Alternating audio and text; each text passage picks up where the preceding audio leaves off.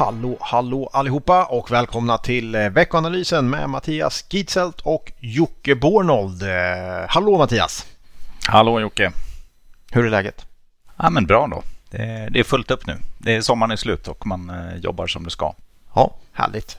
Alltid en liten mjukstart direkt efter sommaren. Någon vecka man tänker så här, det är ingen som har kommit igång och sen undrar man vad som händer med mejlkorgen. Jag insåg precis att jag gjorde det jag inte skulle göra. Jag har fått rådet att aldrig börja en sändning eller podd eller radiointervju med ett H. Eh, jag vet mm inte om det stämmer, men eh, nu sa jag hallå, hallå i alla fall. Det gör du varje gång? Jag gör ju alltid det, men det, det var ett råd att man ska inte göra det. Okay. Eh, för det är otrevligt att lyssna på. Det blir som ett flämtljud. Mm. Ja, har man lärt sig något nytt. Får vi ändra hela konceptet? Ja, jag hörde det, men eh, jag hade inte lärt mig något uppenbarligen, för jag började exakt likadant som jag brukar. Ja. Du, eh, hur aktiv är du eh, som kund bland eh, vuxendagis?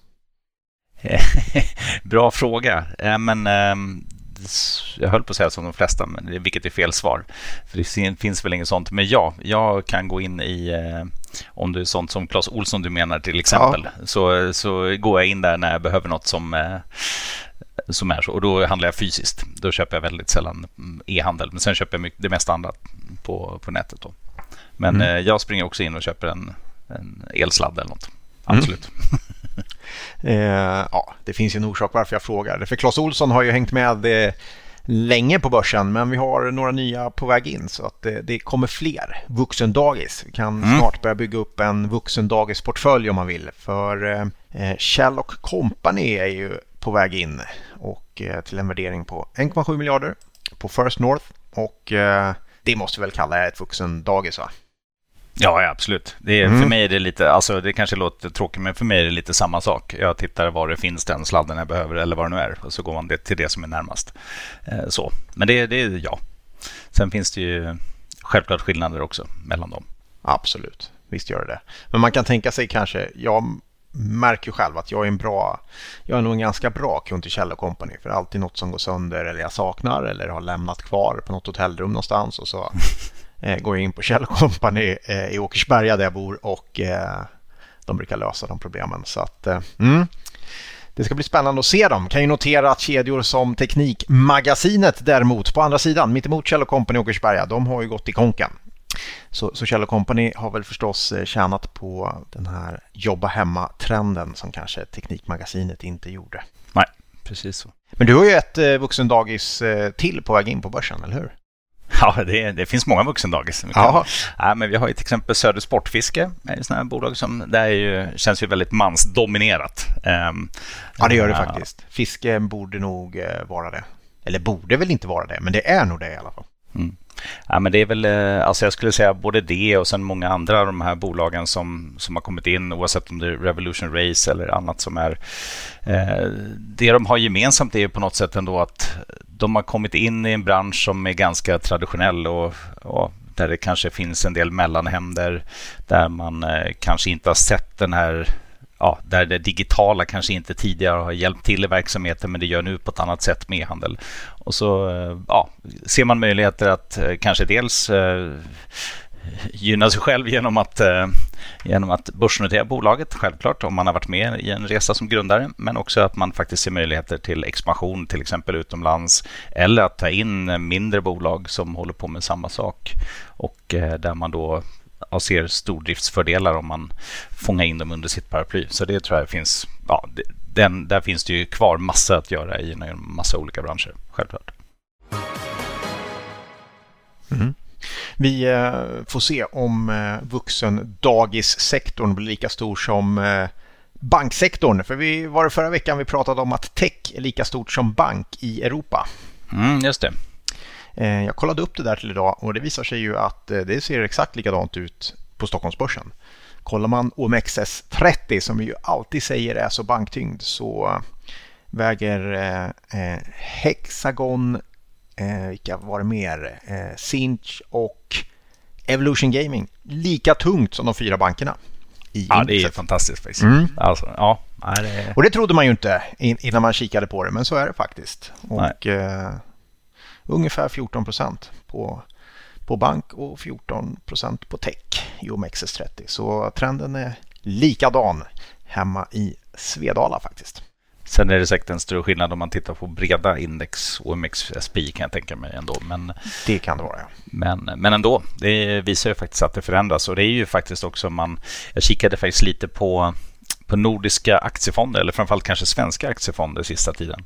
Mm. Och eh, De har ju haft jättesvårt att följa index i år. Eh, det är en sån kategori där, vi, där det verkligen sticker ut globalt att man haft väldigt svårt att överprestera. Och Det finns ju ett par anledningar. Det ena är ju att man eh, bland annat har missat då bankfinans, att det har faktiskt stigit en del i år.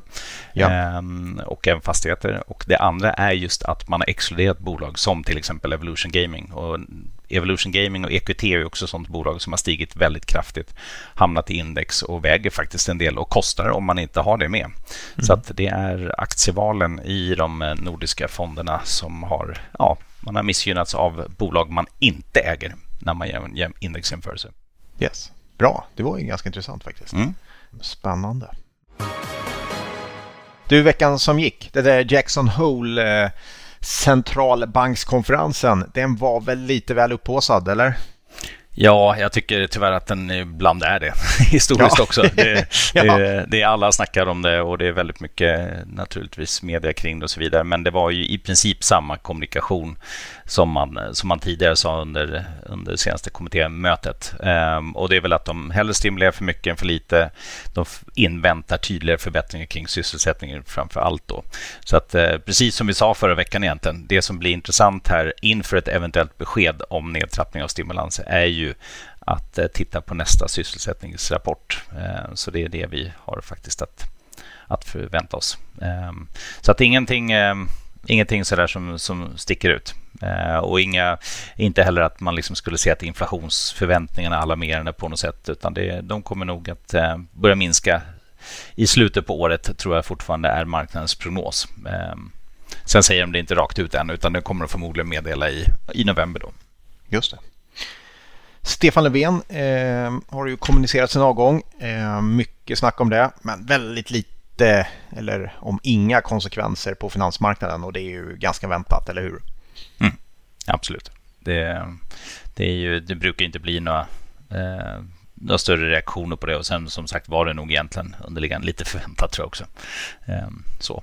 Och så länge det egentligen kanske mer av den ekonomiska makten ligger hos Riksbanken så lär det nog fortsätta vara så. Kan man väl tänka sig.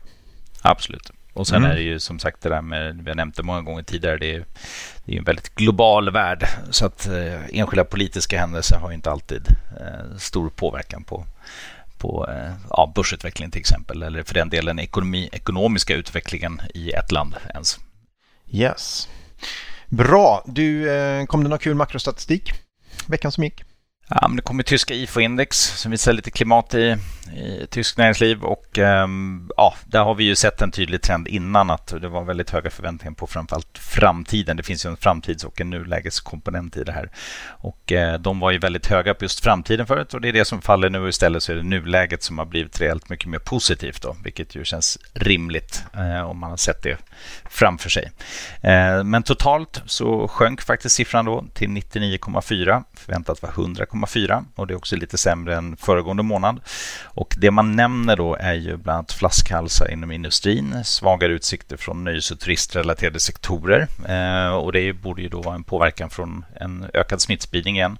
Så att det finns absolut eh, underliggande covid-problem kvar kan man väl säga.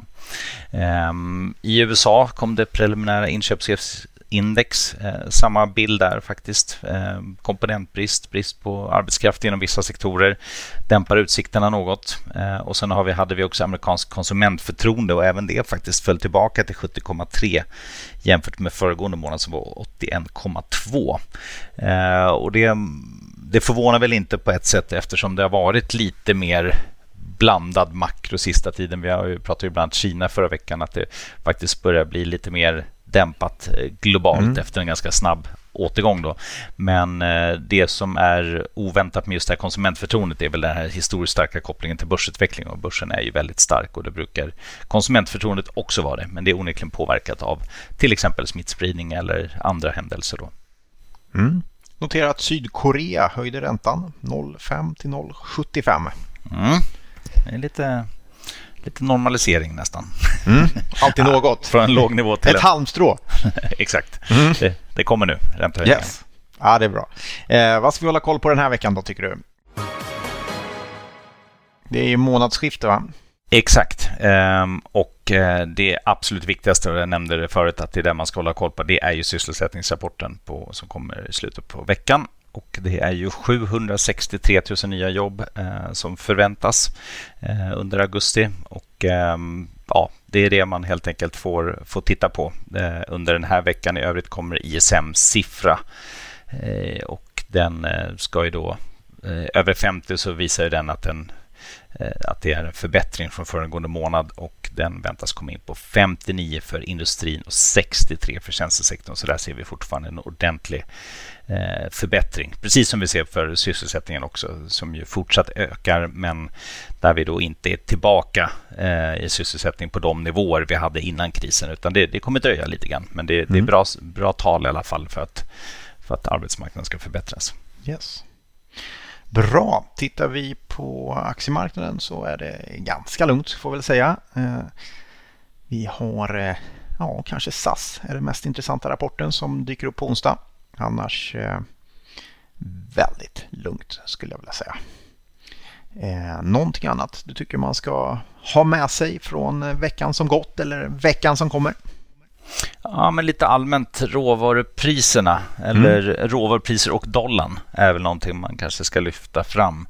Dollarn som stärks, eh, vilket ju då är negativt för råvaror och råvaror har ju fallit undan lite i senaste veckorna men återhämtades ganska ordentligt förra veckan och frågan är ju vad som ska driva det framöver nu när vi då vi ser att kanske makro viker lite grann. Vi har oro för deltavirus. vi har eh, Eh, lite Kina-oro med sämre siffror därifrån. Inflationen avtar lite grann. Det brukar inte vara bra för råvaror. Och sen har vi dessutom då en stark dollar som ju har en, en negativ korrelation med råvarupriserna. Utan det som i så fall ska hålla upp och som ser faktiskt ut att kunna ge lite stöd och det kanske var också därför råvaror gick lite bättre förra veckan. Det är ju i så fall eh, att det är lite utbudssvagheter, framförallt kraftiga fall i utbud för, eh, för basmetaller då har det varit. Och även om man tittar på olja så har det varit Eh, kortsiktiga okej okay siffror på lagernivåer i USA men sämre på andra marknader. Så det är väl det som kanske ska då eh, hålla undan och kanske var det också som marknaden fokuserade på förra veckan.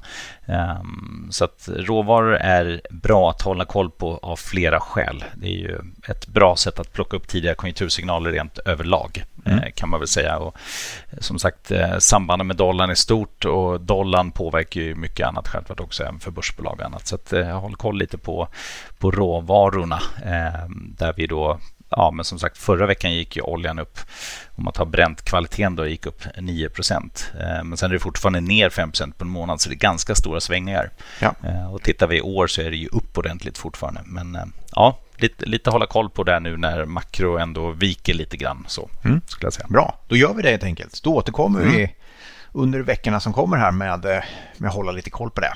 Eh, faktiskt. Eh, bra, då tror jag vår kvart börjar ta slut. Har du, har du något, något sista eller ska vi säga att det är bra så? Nej, jag skulle säga att det är bra så. Ja, men då gör vi det. Eh. Då gör vi det. Då säger vi tack så mycket för att ni lyssnade. Så um, hörs vi nästa vecka och då ska jag börja med någonting annat än uh, bokstaven H. Ha det gott. Ha det bra.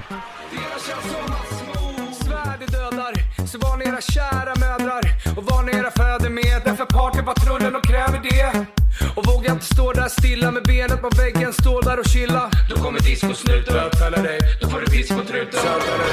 Olagligt att inte dansa, asexuell, straight eller transa. Och vi ska upp bland molnen, varannan dag men alltså en skål sen. Vi ska twista till svetten, lackar till polisen, juristen och rätten backar. Skiter i tiden och vad klockan slår när vi revar hela dygnet så långt vi förmår.